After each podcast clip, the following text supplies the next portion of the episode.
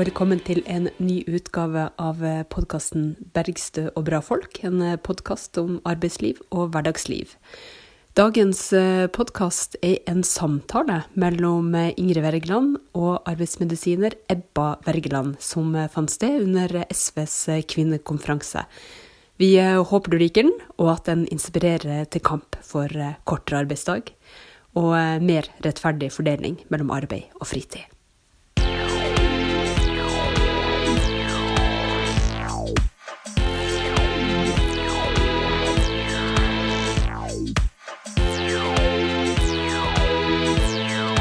Vi er på SVs kvinnekonferanse, og eh, vi skal snakke om eh, denne lille boka som heter 'Med fare for liv og helse'.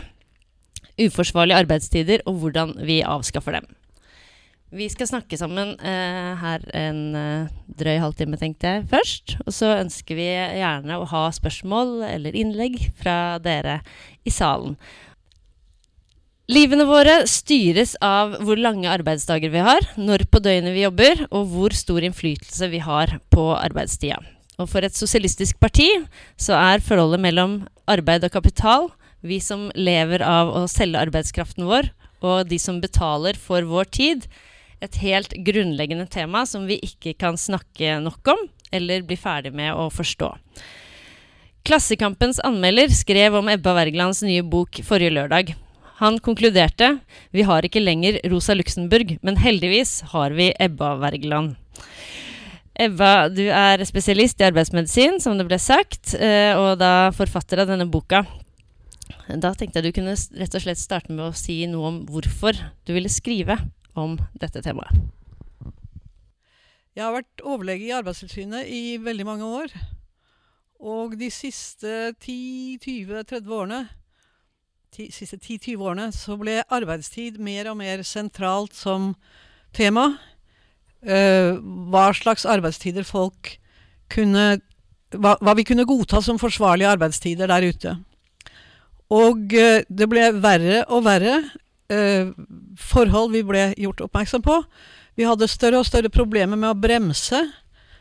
Og vi visste også at de fleste ordningene kjente vi ikke til.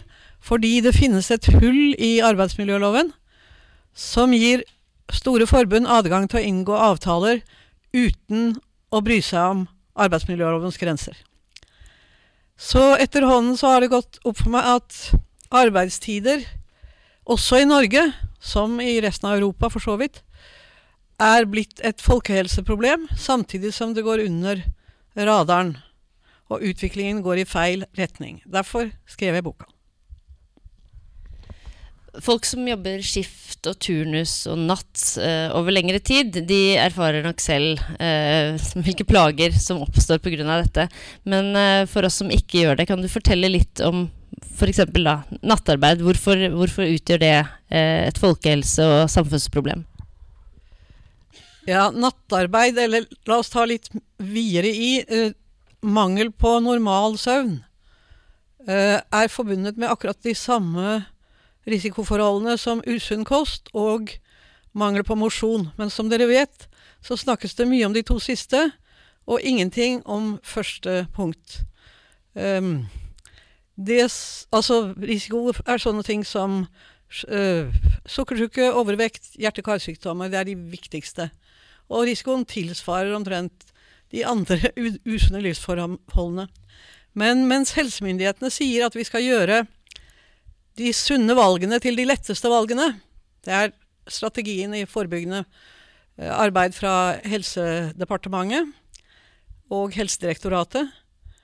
Så er det ingen som tenker på å gjøre de sunneste valgene til de letteste valgene for de som står i arbeid og har ikke-standard arbeidstider. Der går utviklingen, som sagt, i gæren retning, nå sist med arbeidslivslovutvalget som regjeringen har nedsatt og fått rapport fra. Har du svar? Ja, men, eh, men uh, utover Absolutt, det sa du. Men, men hvorfor, hvorfor, er det så enkelt da for Helsedirektoratet med sine råd å si at folk må spise mer frukt og grønt og Hvor mye er det vi skal trene? Er det 28 minutter hver dag, eller noe? Nei, det er jo åpenbart. Altså, snakker du arbeidstid, så snakker du arbeid og kapital. Da snakker du penger, og da snakker du makt i samfunnet. Og man snakker ikke om arbeidstider på samme måte som man kan si til folk at de må spise sunnere og mosjonere mer.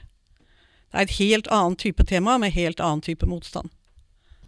Så det er en individualisering av, av problemene? Du nevnte normalarbeidsdagen. Du er, du er opptatt av at vi må holde fast på den. Eh, kan du først eh, forklare hva, hva, som er normalarbeidsdagen, og, og, hvorfor det er så viktig å, å, å holde fast ved det, eh, det, som konsept?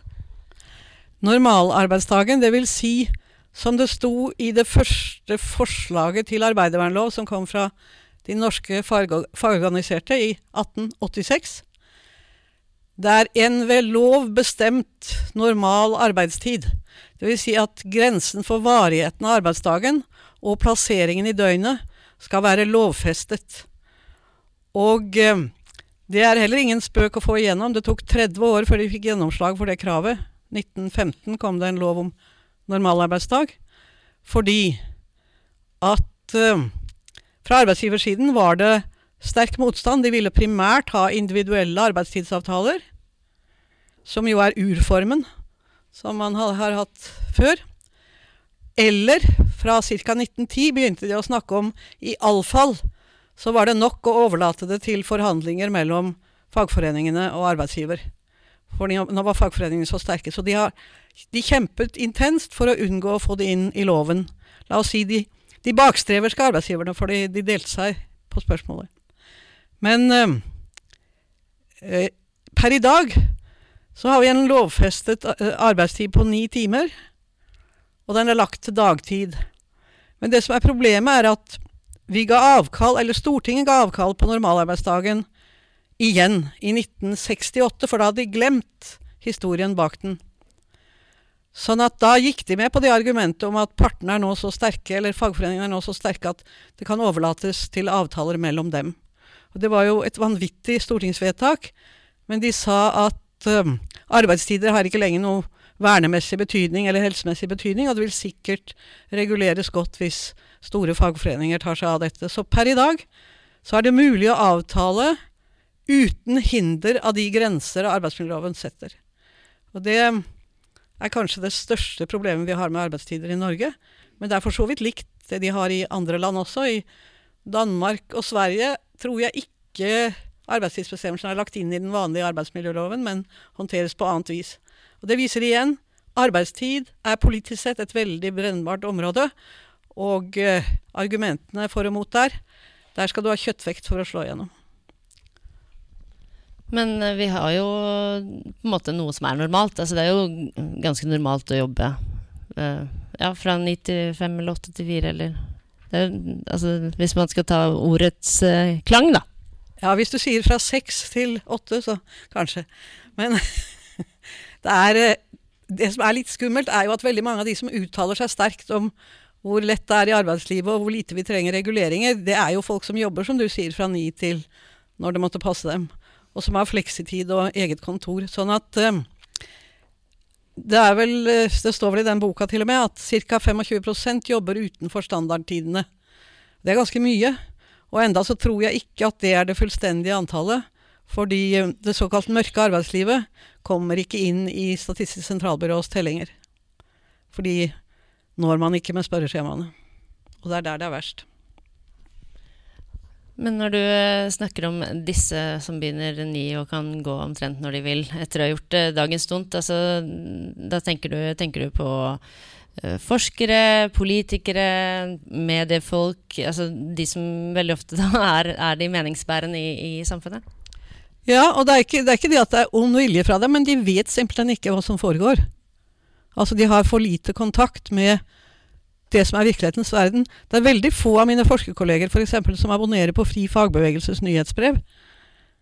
Som gir deg ganske, ganske god innsikt i hva som skjer i norsk arbeidsliv. Dermed er det anbefalt til dere som er politisk interessert. Fri fagbevegelses nyhetsbrev er en bra ting å abonnere på. Det er gratis. Men det er jo en del eh, funksjoner i samfunnet som må gjøres eh, døgnkontinuerlig. Eh, men, eh, men, du mener da at det er mange flere enn nødvendig som jobber utenfor, utenfor normalarbeidsdagen? Ja, det, det, ser du hvis, hvis, prisen på arbeid utenom standardtidene øker. Eh, så vil behovet bli mindre. Altså hvis en bestemt toskiftsordning blir litt dyrere fordi den f.eks. gir rett til kortere arbeidstid, så faller den simpelthen bort. Fordi den er uaktuell. Så nødvendig er jo et, et, begrep som du kan legge hva du vil inn i. Men øh, det, er, det, er, avhengig av hvem du spør, og det er avhengig av hva av den arbeidstiden koster å bruke. Så én måte å begrense uheldige arbeidstider på, er å øke prisen. Men problemet med det er selvfølgelig at da blir tilleggene så fristende at da tar du gjerne en ekstravakt. Jeg pleier å sitere den tillitsvalgte i sykepleien som sa at man skal være bra søvnig for ikke å ta en ekstravakt når en får 11 000 kroner for den. Ja, Sånn at uh, det der er et av dilemmaene i reguleringen av arbeidstid. Det som, uh, det som man bør gjøre, er på den ene siden å gjøre det dyrt for arbeidsgiver, på den annen side ikke gjøre det for fristende for, for ansatte med store boliglån. Eller rett og slett å gjøre det forbudt? Eller rett og slett å få tilbake i loven at man ikke kan avtale Man kan avtale bedre ordninger. Det gjelder jo alle de andre bestemmelsene i loven. Man kan avtale bedre ordninger, avtale rett på det, men ikke dårligere. Og sånn var det med arbeidstiden også fram til 68. Så det, det hullet der, det er egentlig utrolig, og det er også utrolig at det ikke er lagt mer merke til. Jeg lærte det først da jeg kom i Arbeidstilsynet av juristene der som sa at det var liksom katastrofen for arbeidstidsreguleringen i Norge. En uh, annen du gjerne siterer, er uh, en fyr som var uh, i kjemisk fagforening, altså hva heter det, tidligere kjemisk fagforening, som snakket om akkurat dette med, med tillegg, altså lønnstillegg på, på ubekvem arbeidstid, og sammenligna det med, med, disse tilleggene man fikk for for å bli utsatt for eller, Eller altså forbudene mot eh, kjemiske uh, stoffer. Eller ja. Dette, denne historien husker du bedre enn meg, det er derfor jeg vil spørre deg. ja, nei, jeg siderer en som het Leif Gusland, og som var sekretær i Norsk Kjemisk, som døde ganske ung. Men han, han sa det at vi må lære på samme måte som vi eh, sluttet med å ta ekstra betaling for å jobbe med kreftfarlige stoffer, så må vi også slutte å ta ekstra betaling for å jobbe med uforsvarlige arbeidstider.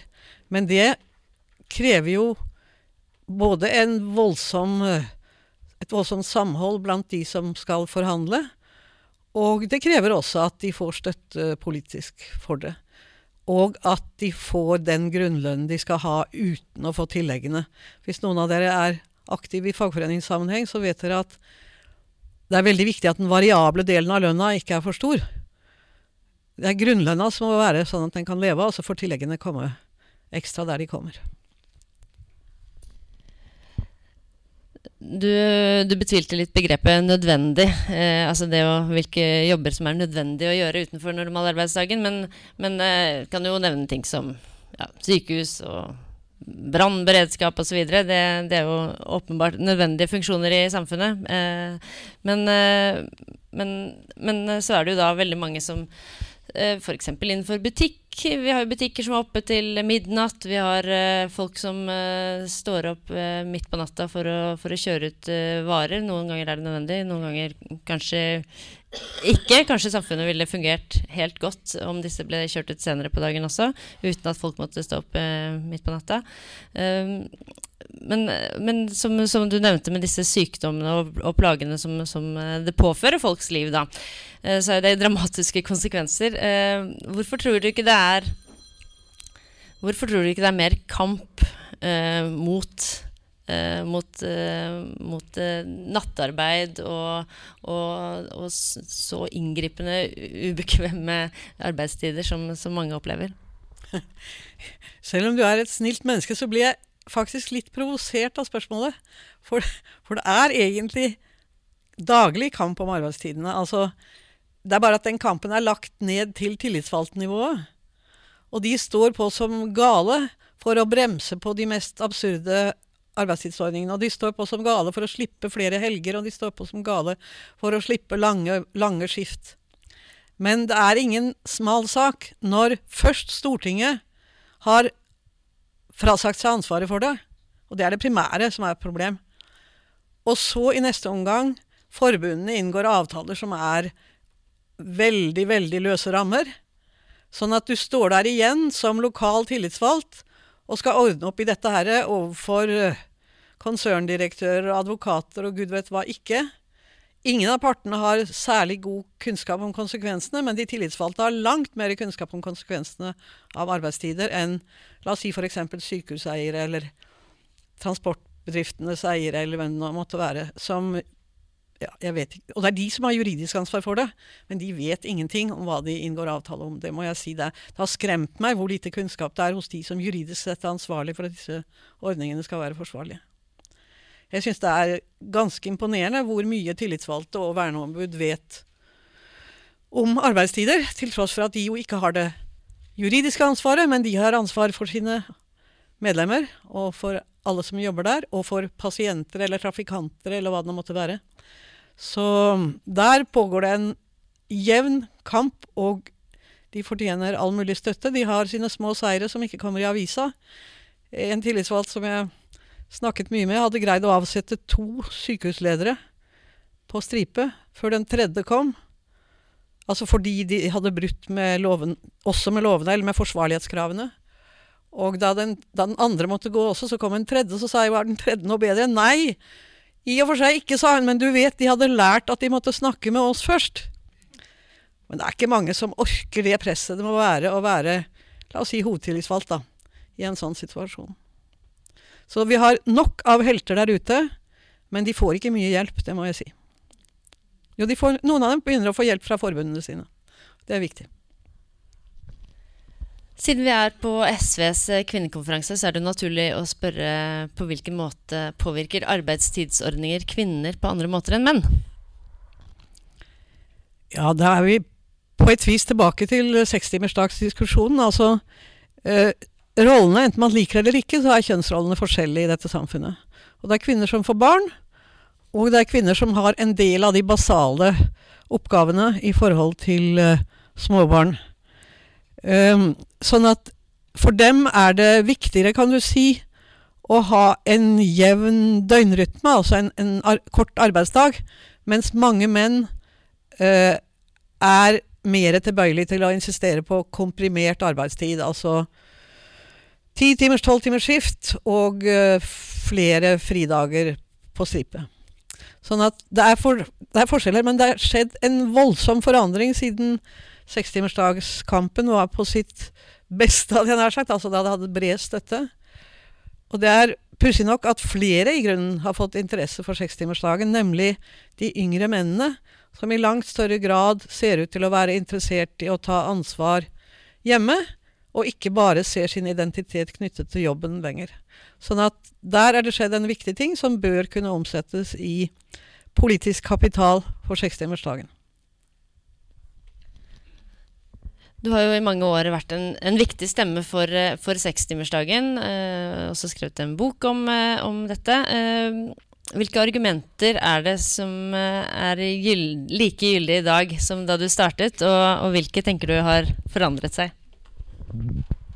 Ja, det enkle argumentet er jo at det må da være en fordel å få to timer ekstra, eller halvannen da, hvis vi går etter tariffavtalen, To timer ekstra til egen rådighet i løpet av et døgn. Altså, hvem skal eie timene dine?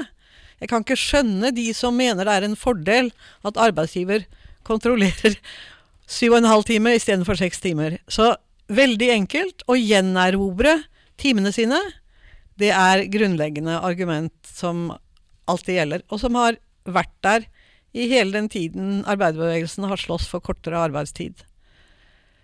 Um, nye argumenter i dag er vel Det er nærmest uh, at det blir mer og mer uh, akutt, fordi at uh, Du kan si arbeiderbevegelsen har vært, og, har vært på defensiven over ganske lang tid, og det politiske miljøet har i mindre grad enn før vært opptatt av forholdene i arbeidslivet. Sånn at det er blitt dårligere tid. Det er mange andre grunner til det, men det er blitt Folk sliter med tida. Og hvis du har for lang dag, så har du ikke tid til alt det andre du faktisk skal gjøre. I tillegg til det lønnsarbeidet, som jo tross alt er en liten del av det arbeidet du har og burde gjort. Så eh, jeg syns argumentene for det er enda tydeligere i dag. Men samtidig er du kan si Det største problemet i dag tror jeg er at man har lyktes med å få folk til å tro at vi må jobbe mer og lenger. Det er på en måte en slags, det, det lanseres som en sannhet. Det er, bare, det er, jo bare, det som alltid har stått på NHOs uh, politiske program. Og nå det, står det også på Arbeiderpartiets program. Altså Det å ønske at vi alle skal jobbe lenger og mer, det er det samme som å si tilbudet av arbeidskraft i markedet må øke. Og hvis du øker tilbudet av arbeidskraft i markedet, så blir det kjøpers marked. Fordi da er det mange om beinet. Hvis det er mange som slåss om å få om den etterspørselen som er, altså hvis tilbudet er større enn etterspørselen, det er vel sånn barnelærdom for oss alle i markedsøkonomien.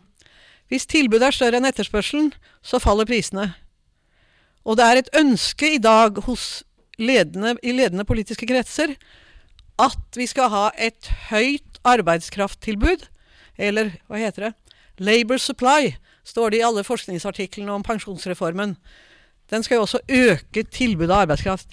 Min påstand, det er noe man kan være enig eller uenig i, min påstand er at vi har et for høyt tilbud av arbeidskraft i Norge i dag. Derfor er det vanskelig for ungdommen å få faste jobber. Derfor har vi en randsone i arbeidslivet som kalles det mørke arbeidslivet. Derfor kan man tilby folk dårligere arbeidsforhold enn man kunne da jeg var ung. Sånn at i markedet, i arbeidsmarkedet i Norge er det for stort tilbud av arbeidskraft i forhold til etterspørselen. Derfor har ungdom vanskelig med å få seg skikkelige jobber i dag. Sånn at når da politiske partier sier at vi må få enda større tilbud, da vil jeg si det er iallfall ikke et faktum eller vitenskap eller forskning, ja, det er sikkert noen forskere som sier det òg, men det er bare noe de ønsker seg. Og det er greit nok, men det er et politisk standpunkt. Og den holdningen om at vi må jobbe mer og lenger, den kommer de straks draende med når noen sier sekstimersdag. Tvert imot er det sånn nå, som det alltid har vært, at for å holde prisene på arbeidet oppe, og for å unngå arbeidsløshet, så må vi rasjonere på arbeidskraften. Det har vært god barnelærdom i arbeiderbevegelsen i ca. 100 år. Og det gjelder fortsatt. For de som selger sin arbeidskraft, har en felles interesse av å rasjonere på arbeidskraften. Lav pensjonsalder, kort arbeidsdag og eh, strenge grenser mot overtidsarbeid. Vi Det var bra, for dette er en viktig kamp som, gjelder, som det gjelder å ta på de nivåene hvor dere kanskje er på vei, eller allerede er. Dette er en politisk kamp, og som annet uh, skjer i Stortinget og gjennom Stortingets vedtak. Men husk iallfall, det er ingen sannhet, det som påstår at vi må jobbe lenger og mer. Det er altså ikke det som skal stoppe dere fra sekstimersdagen. Tvert imot. Vi lever jo i en tid med mye automatisering. Eh, vi ser jo Vi driver jo nå, mange av oss, og, er våre egne kassa, kassabetjenter på, på matbutikken. Eh, tenker du at denne, denne, teknologiske utviklingen og automatiseringen som foregår, også, også er et godt argument for sekstimersdagen? Eh, det er et argument i tillegg, men altså teknologisk utvikling har jo økt individuell produktivitet enormt siden åttetimersdagen ble innført. Nå skjer ikke den i alle sektorer. Så du kan si i helsesektoren trengs det fortsatt et menneske for å ta seg av et annet menneske. Det kan du ikke gjøre. Altså de, de fabler om roboter, men det er stort sett Jeg hørte nestleder i Svenske arbeidsgiverforeningen legge ut om at du kunne automatisere 95% av det som foregikk i et sykehjem. Og da tenker jeg han vet veldig lite om hva han snakker om. Men det går rett hjem i nyheter og overalt. Men iallfall, Teknologien i seg selv kan gjøre arbeidet f.eks. på et sykehjem mye lettere. Og det vil bli mye mer krefter og overskudd til å gjøre det som er viktig, virkelig, virkelig viktig, og som det i dag er for lite tid til. Nemlig å ta seg av folk. Der kan du ikke putte inn japanske kaniner eller noe som helst. Bare glem det. Så teknologien er fin. Det, er, eh, det finnes bl.a. noen utmerkede toaletter nå som kunne vært på alle norske sykehjem, som ville spart hundrevis av rygger i året, tenker jeg. Men det blir bare ikke brukt der. Og det er spørsmålet om hvordan vi bruker teknologi, som har vært aktuelt helt fra Spinning Jenny og symaskinen og fram til de små robotene som løper rundt. Hvordan vi bruker teknologien, er det som avgjør. Hvem som tar ut gevinsten av dem, er det som avgjør. Og det er igjen en politisk kamp. Hva er det med disse toalettene? Nei, jeg gidder ikke å reklamere for det, men det er altså sånn at du slipper å løfte folk, og de får vasket seg uten at du behøver å brekke deg fire ganger rundt. Så det, er, det sparer krefter. Og det er behagelig for pasienten også. Eh, dette har du vært litt inne på allerede, men jeg vil uh, ha deg til å utdype det likevel. Fordi uh, vi, om, vi, kan snakke om sekstimersdag, og vi kan snakke om 30-timersuke eller firedagersuke. Eh, altså, opplever du det som mer relevant å snakke om nedkorting i arbeidstid generelt, for, eller er det viktig å fastholde på dette med kampen for sekstimersdagen spesielt? Ja, begge deler selvfølgelig. Altså, Reduksjon av arbeidstiden er hele tiden og alltid aktuelt. Reduksjonen av arbeidstiden er å ta tilbake kontrollen over sitt eget liv, timene i sitt eget liv, kort og godt. Og det er alltid riktig og alltid bra. Men uh, i tillegg så har sekstimersdagen noe ved seg som bl.a. har et veldig sterkt kvinneaspekt. Eh, jeg tror vi kalte den boka vår om sekstimersdagen for den neste store velferdsreformen. Å innføre sekstimersdag er på helt annen måte en reform. En sosial reform som kommer til å endre samfunnet til det bedre. Med, hvor kvinnene vil oppnå større grad av muligheter enn de har i dag, sammenlignet med mennene. Sånn at begge deler er nødvendig. Ikke, jeg tror ikke man skal lage noen religionskrig ved å nedkjempe de som heller vil ha komprimert eh, dag, nei, komprimert uke. Noen vil det. Noen har lang reisevei og har grunner til det. Men sekstimersdagen skal være det normale. Og så går det an å lage all verdens andre avtaler, akkurat som det gjør nå. Og så må man betale overtid for det som er utover sekstimersdag. Det er litt viktig. I dag har et av temaene vært kampen mot deltid, eh, og eh, for såkalt eh, heltidskultur. Hva, hva tenker du om det? Eh, Fagforbundet hadde i sin tid en, et ganske godt slagord, syns jeg, som het 'Heltid en rettighet, deltid en mulighet'. Nå har jeg vært på en del sånne heltidssamlinger. Noen luringer som har invitert meg inn, antagelig bare for å lage bråk. Men derfor der har jeg Oi, det var jeg ikke forberedt på, egentlig. Men uh, jeg oppdaget at en del steder er denne heltidskulturen designet helt etter arbeidsgivers interesser. Eh, Altså i stedet for å slåss mot det som er problemet, 13 %-stillinger, 0 %-stillinger, eller sånn som det er i handel og kontor, du får noen timers jobb. Altså ikke heltid. Vi har jo full lønn i og for seg. Ikke åtte timer, men man vil ha full lønn, for man skal ha noe å leve av. Og alle de stedene så er det problemer, og selvfølgelig skal man slåss for retten til å få full stilling. Og man skal ha mulighet til å ha deltid, fordi av mange forskjellige grunner trenger ikke minst kvinner deltid. Og det er ikke fordi de skal sitte og drikke latte, kaffe latte, som eh, lederen i Spekter sier, men det er simpelthen fordi familiesituasjon, kjønnsroller, tyngden i mange kvinnejobber Alt det der trekker i retning av sekstimersdagen. Det er ikke tilfeldig at 40% av kvinnene nokså stabilt fortsetter å jobbe deltid. Men det er et annet problem enn disse 13 %-stillingene. Nå har de sauset det sammen, så når jeg kommer på sånne møter om heltidskultur, så snakker de bare om hvor problematiske de deltidsansatte er for det faglige nivået. Og da har du virkelig glemt hva som var problemet i utgangspunktet. Så derfor pleier jeg å si, når jeg blir sluppet inn på sånne konferanser, så pleier jeg å si eh, fordi der, en, av, en av grunnene er at det har vært veldig mye snakk om, og en del forskere har også gitt seg i kast med det, å reklamere for såkalt heltidsfremmende turnuser. Og det er da turnuser som er fra 12, fra 12 til 14 timers vakter, eller flere helger, eller altså økt belastning, da. Som skal gjøre det mulig å få heltidsstillinger. Og, og forbundene Ok, de skal inngå en avtale, det er gi og ta. Og de inngår avtaler med sånne lange skift for å få heltidsstillinger. Men da må man spørre seg de heltidsfremmende turnusene, er det faktisk gode turnuser? Eller er det den prisen man i kvinneyrker må betale for noe som er selvsagt for andre? Og da pleier salen å humre litt, og så nikker de, og så kommer de tilbake til meg senere og sier det du sa der, det har vi tatt med oss, sier de.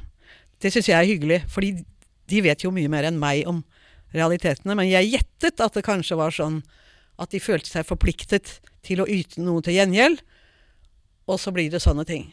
Og det å ha god samvittighet for å si at vi skal ha heltid, og noen skal ha mulighet til deltid hvis de trenger det, det er et poeng. Så jeg, jeg aner ikke hva som skjedde på deltid-heltidsdiskusjonen deres, men jeg så KS var der, og jeg har hørt KS og Spekter i sånne sammenhenger, og jeg er bekymret fordi de ikke husker at det store problemet er f.eks. kommunale avtaler om alt fra null til Eller sykehusavtaler fra 0, 0 til 13% Og i andre bransjer det at du får bare timer, du får ikke en stilling. Så nå vil jeg gjerne imøtegås hvis noen har lyst, men vi har ikke kommet til debatten enda. Nei. Hvordan eh, tenker du eh, best kampen for kortere arbeidstid skal eh, kjempes videre? Det vet ikke jeg mer om enn dere. Og ikke mer enn de mange som diskuterer sånne ting ute i fagbevegelsen. Men jeg, jeg tror det som ble lagt fram, som Gerd Liv Valla la fram som strategi, med å ta en halvtime ved hvert tariffoppgjør, det ser det ut som mange synes er en fornuftig framgangsmåte. Men eh, alt som Altså, forsøk Vi har gjort en masse forsøk, og det er jo ikke fordi vi ikke vet at man blir friskere av å ha sekstimersdag. Man får mindre smerter, man sover bedre. Alle de tingene er dokumentert til bunns. Eh, så, sånn sett trenger vi ikke forsøk, men vi trenger arbeidsplasser som faktisk er interessert i å prøve det ut. Og der kan man også treffe lokale ledere, kommuner f.eks., som kan være interessert i å få det til, fordi de f.eks. kan få rekrutteringsfordeler per i dag, hvor det er uvanlig. Og de kan få uh, ned turnover, og de kan få folk som er friskere og mer opplagt til å gjøre jobben. Uh, og mindre bruk for vikarer osv.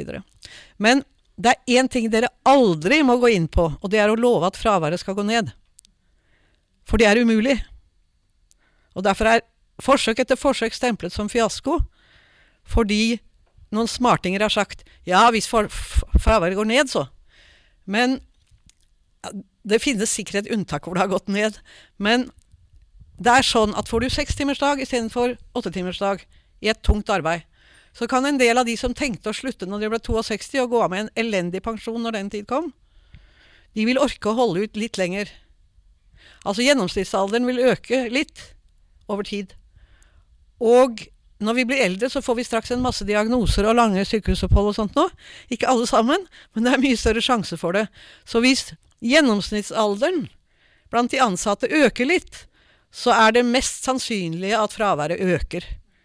Så gå aldri inn på avtaler om sekstimersdag med løfte om at sykefraværet skal gå ned. Folk blir friskere, ja, men en del slipper å gå over på uførepensjon. Og de er der fortsatt, og det er vi veldig glad for. Men de trekker også sykefraværet opp. Puh. Det var en litt spesiell knapp, det der med sykefravær og sånn, så jeg hisser meg litt opp der. Ja. Kan jeg få ta ett til om forsøk? Absolutt. Det må jeg si til akkurat dere. Som jeg ikke sier til noen andre, tror jeg. SV gikk jo til valg i 2006, vant, valget, eller vant rød-grønt valg. Rød-grønn seier og rød-grønn regjering ble det. Og da hadde SV fått de andre med på å love sekstimersdagsforsøk. Og da kunne jo ikke de andre si nei. Det de gjorde, var å organisere Det er noe av det sleipeste jeg har sett i politikken, faktisk. Det de gjorde, var å organisere et forsøk med sekstimersdag, eller 30 timers uke, valgfritt, for eldre menn i Veidirektoratet, så vidt jeg husker, og Den norske kirke. Altså det var ikke eldre menn, men det var i hovedsak menn som jobbet der. Norske kirke og, og Veidirektoratet. Jeg tror det var de, mulig noen andre statsinstitusjoner. Det som var det smarte poenget, var at nesten alle ville ha 30 timers uke. Det hadde med reiseveien deres å gjøre. Men det de skulle måle, var om det endret deres pensjoneringsplaner, altså om de utsatte pensjonen fordi de fikk kortere arbeidstid. For det er jo en av de tingene en regner med. Problemet var bare at nesten alle disse hadde på forhånd bestemt seg til å stå til de var 70 allikevel.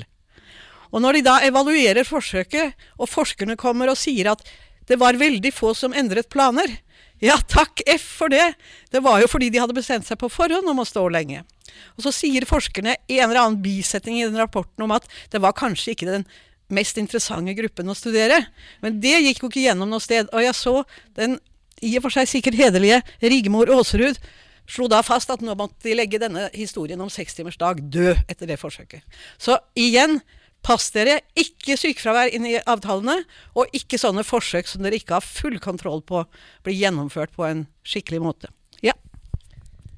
Nå har jo dette Nå har det jo også kommet inn i den rød-grønne plattformen til, til, Oslo at man skal vurdere eh, å ha Altså, det står ikke at man skal ha et sekstimersprosjekt, men man skal vurdere om man skal ha et forsøk med kortere arbeidstid. Så da får vi kanskje notere oss eh, lærdommene til, eh, til om det kommer i gang. Ja, jeg, jeg, jeg, håper Det er også andre kommuner i landet som har lignende vedtak. Og dere er nok med i mange av de vedtakene. Så obs, obs, pass på at de forsøkene blir fornuftige, og at ikke noen får manipulere dette sånn at det kommer ut som såkalt fiasko.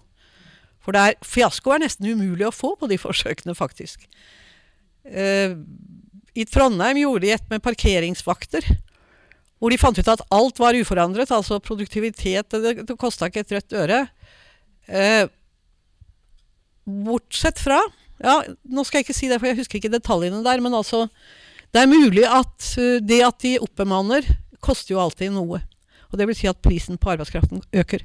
Men iallfall, eh, den ble evaluert omhyggelig, og det var vanskelig å finne argument mot å fortsette. Men da ble det svart at de kunne av politiske grunner ikke fortsette. Så sekstimersdagen er litt farlig, mine venner. Den er litt brennbar. Fordi det som er den offentlige samtalen, er at vi må jobbe mer og lenger. Så dere sitter med krutt i hendene, og vær så snill å bruke det. Ikke så det går utover folk, men sånn at vi får bedre forhold.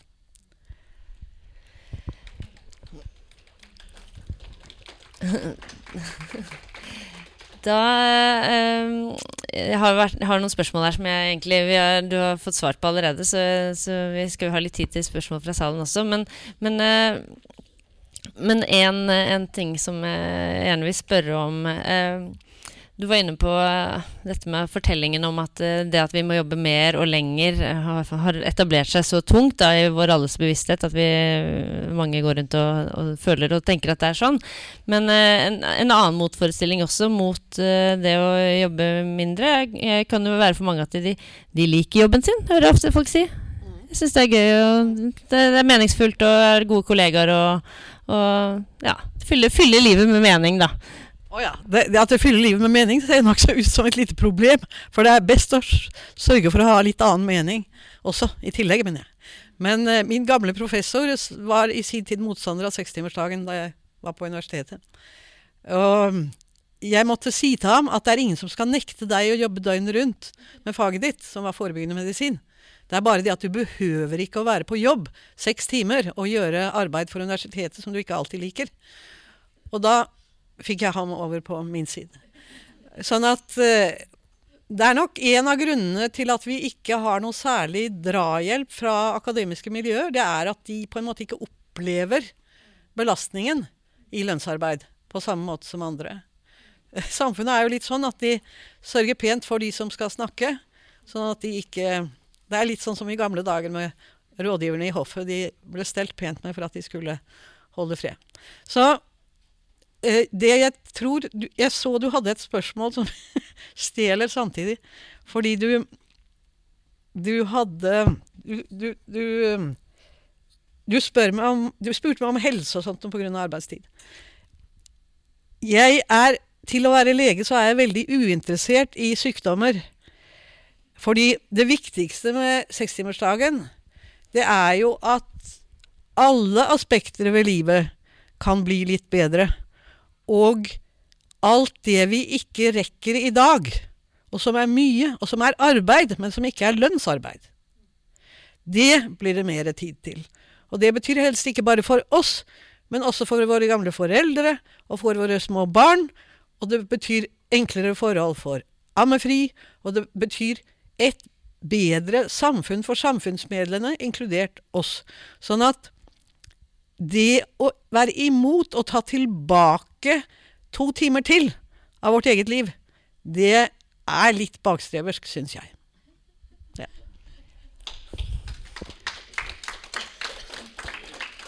Altså jeg tenker som, som, parti så bør man i hvert fall ha interesse av at folk får bedre tid. Da kan de jo ha mer tid til å engasjere seg i partiet. Det var jo et av argumentene tilbake til åttetimersdagskampen.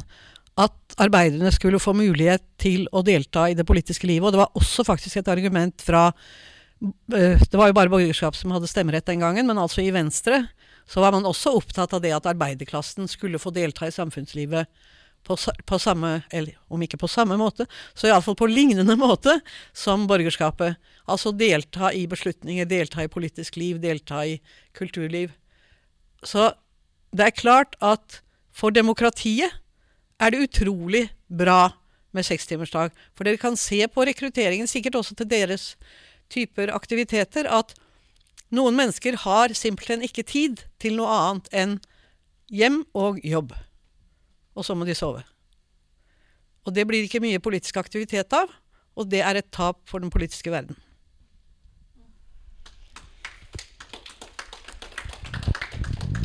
Da vil jeg gjerne ha noen innspill fra salen, hvis det er noen som eh, sitter og har noe på hjertet.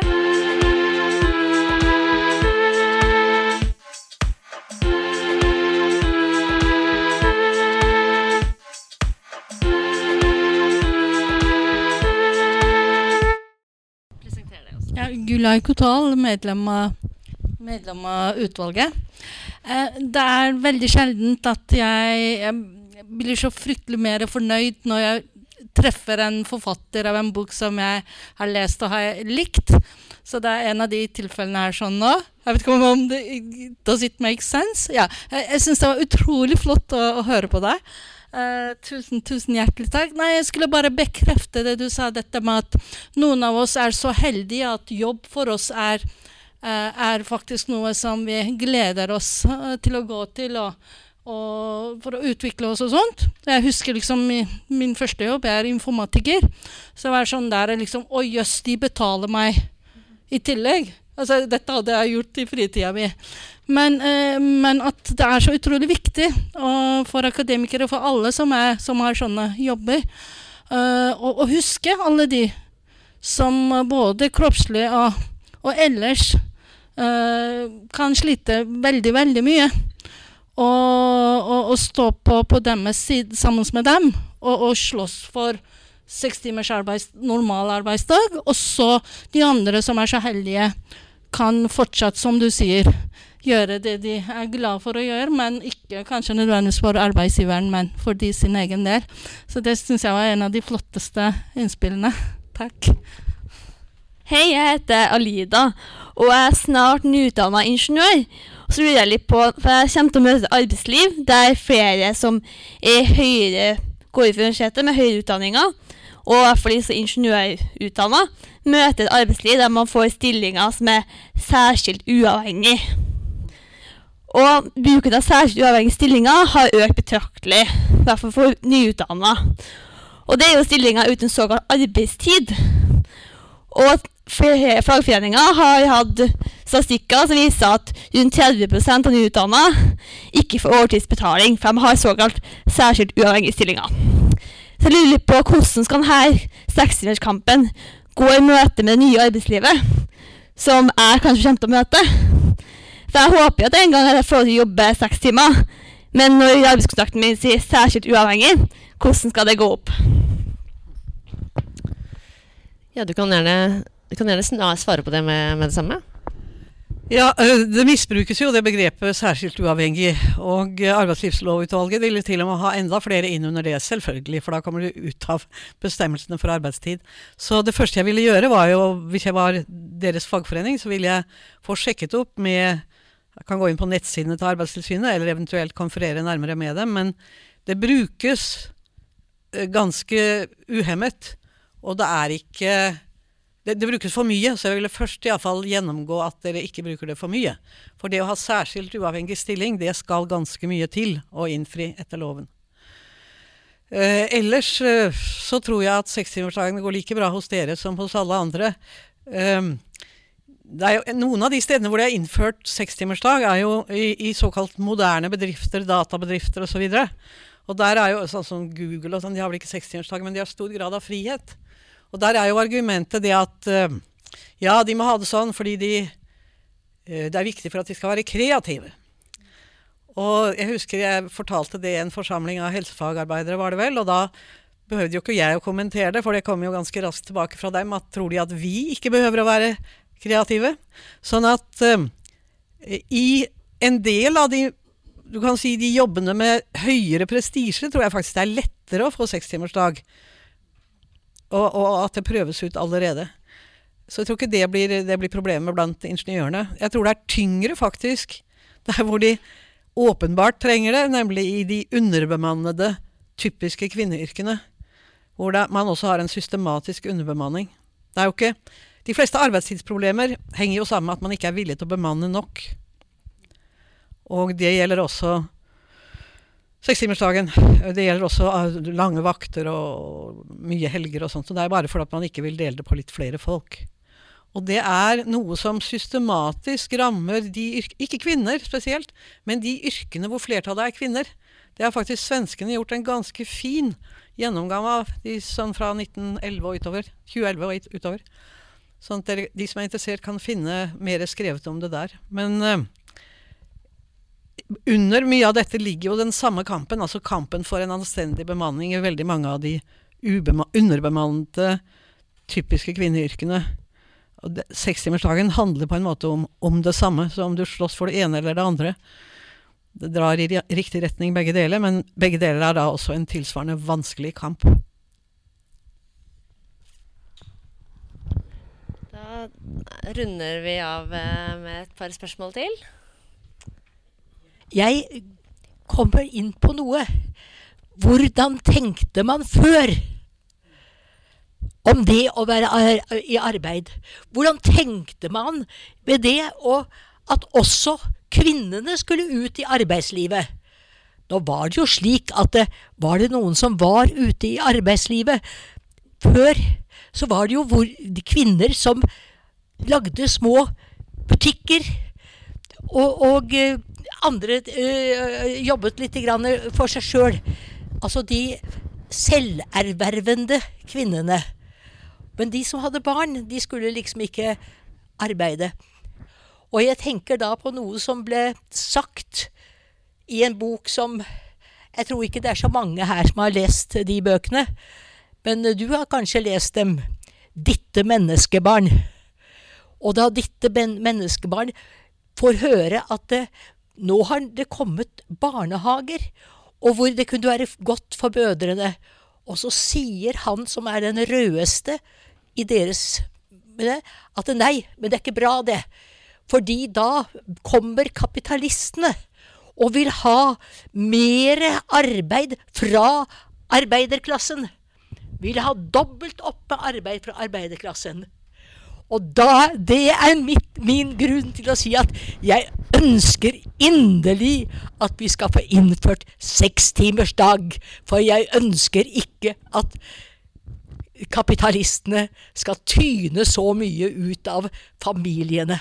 Jeg syns det var et uh, godt poeng som Tove kom med der. og det er bare synd at Toril Skar ikke er her lenger. Hun har vært her tidligere i dag. For dere har jo også hatt en, uh, en, diskusjon i avisene, altså Toril og Ebba, som nettopp går på dette med familienes altså tidsklemme. Uh, hva har det egentlig ført til at du har begge foreldre i arbeid, og at det er liksom en tidsnød hele tiden. og jeg syns jo at Ebba, du skrev godt om det da. og og jeg tenker også at det, det, det med kortere arbeidstid og sekstimersdag eh, eh, må være liksom et nødvendig svar da, for at flere skal få en følelse av at de kan leve hele liv. Og jeg syns at det er eh, veldig betimelig og, og, godt observert fra Ebba at eh, man skal passe seg litt på hvilke type eh, premisser man Eller altså hvilken type argumentasjon man bruker for å forsvare sekstimersdag og kortere arbeidstid. For hvis man hele tiden bruker en sånn type argumentasjon om at nei, men dette vil lønne seg for arbeidsgiver, dette vil være mer effektivt, mer kreative arbeidere eller eh, lavere sykefravær eller altså et eller annet som som eh, mange forsøk også for så vidt viser at seks timers arbeidsdag gir og kan gi. For det er, eh, vi blir jo bedre, mer uthvilte og det er mindre belastende. Men i de tilfellene det ikke gir det, det viser seg at det er f.eks. Eh, eh, ja, øker sykefraværet, eller at det, det ikke er lønnsomt. Da. Det koster kanskje litt mer for arbeidsgiver. Så mener jeg at vi likevel skal gå for det. Så det er ikke sånn at et eh, forsøk er mislykka hvis det viser seg at det, det kosta mer. For poenget for oss er jo at vi skal vinne tid. Vi skal vinne tilbake tid, makt over vårt eget liv og vår egen tid. Uavhengig av hvor, hvor mye det koster. Da. Uh, og for å få til det, så er man kanskje nødt til å omprioritere en del penger fra uh, selvfølgelig kapital til, til, vanlige folk, men også fra privat forbruk til offentlig forbruk. Da, for å kunne få til det. Da. Så jeg, jeg bare syns det var eh, ja, godt å huske på, og jeg syns vi skal ta det med oss når vi eh, ja, jobber med forsøk i, i, våre egne kommuner rundt omkring. Da. Så tusen takk for det. Da skal du få si noen uh, avsluttende ord, uh, Ebba. Vær så god. Ja, jeg, jeg Tove får meg til å tenke på en uh, diskusjon jeg var til stede på i, i um, Eh, Jernbaneforbundet de hadde egen, eller har vel fortsatt egen kvinneorganisering. Og de diskuterte De jobber jo skift, lokførerne deres. Jobber skift. Det var lokføreren jeg var hos, ja. Og uh, så begynte de å diskutere dette med nattbarnehage. Og uh, da var det uh, det var noen som mente det måtte være bra, fordi det trengte de jo. Men så var det andre som sa at obs, obs, det vil gjøre det mye lettere å presse mer nattarbeid på oss.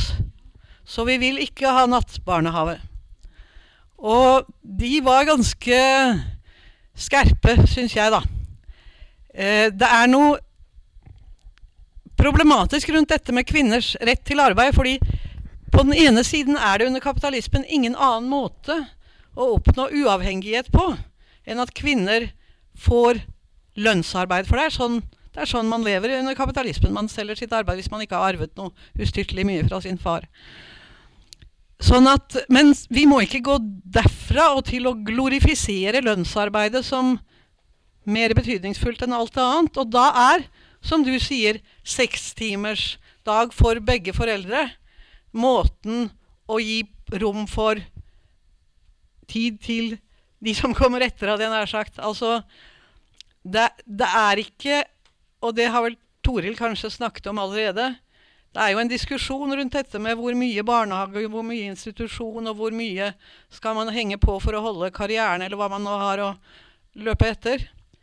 Og vi må være oppmerksom på, tror jeg nå, at det er en tendens til å glorifisere lønnsarbeidet både for menn og kvinner. Og det er på en måte å ta inn over seg kapitalismens måte å tenke på. Lønnsarbeid er en nødvendighet, og for all del, hvis det er gode arbeidsforhold, så er det fint. Men det er fordi vi det, det er måten vi forsørger oss på i denne typen samfunn. Det er ikke fordi det er meningen med livet. Det er andre ting som er meningen med livet. Nå fikk ingen sjanse til å motsi meg der. Så tror jeg ikke jeg har mer å si av dere, men det er et kjempespennende område. Og hvis dere kan bidra til at sekstimersdagen, uansett i hvilken form, dukker opp, og ikke drep de som vil ha 30 eh, timers uke, men si at OK, for noen vil det være et poeng. Bare ha, som, ha i bånn at det er seks timers normalarbeidsdag, så får man finne smidige løsninger for, for andre. Og så, om det gjøres på et lite sted, Stort sted, lovendring. Bare vi holder den kampen gående. Fordi det som er farlig nå, er at fra å ha mange eh, 100 års for kortere arbeidstid, så har på en måte plutselig noe snudd. Og folk slåss for Ja, altså det, det er stoppet opp med kortere arbeidstid, og folk tror at de må jobbe lenger, og tror at de må gå av seinere, og det hele. Og alle lovendringer går i den retningen. Så obs, obs! Hold retningen mot kortere arbeidsdag. Takk. Da, da skal vi runde av, men, men jeg kan ikke la dette bli hengende i luften. For du sa at uh, arbeid ikke, lønnsarbeid ikke er meningen med livet. Altså Nå sitter jo veldig mange her og lurer på Hva er meningen med livet? Alt det andre, selvfølgelig. Det ville være vanvittig om lønnsarbeid som er Altså, kan vi, legge, kan vi få mye ut av det? Kan vi ha det hyggelig? Kan vi ha gode kollektiver? Kan vi ha et lønnsarbeid som samtidig er et nyttig og samfunnsgagnlig arbeid, så er det jo bra. Selvfølgelig. Men at det er lønnsarbeid, er på en måte en nødvendighet. Det er, det er fordi det er nødvendig for oss å ha noe lønnsarbeid. Hadde ikke det vært nødvendig, så kunne vi gjort arbeidet under andre forhold. Ja. Arbeidet i seg selv kan være verdifullt, men det er ikke lønna som gjør det verdifullt. Tusen takk.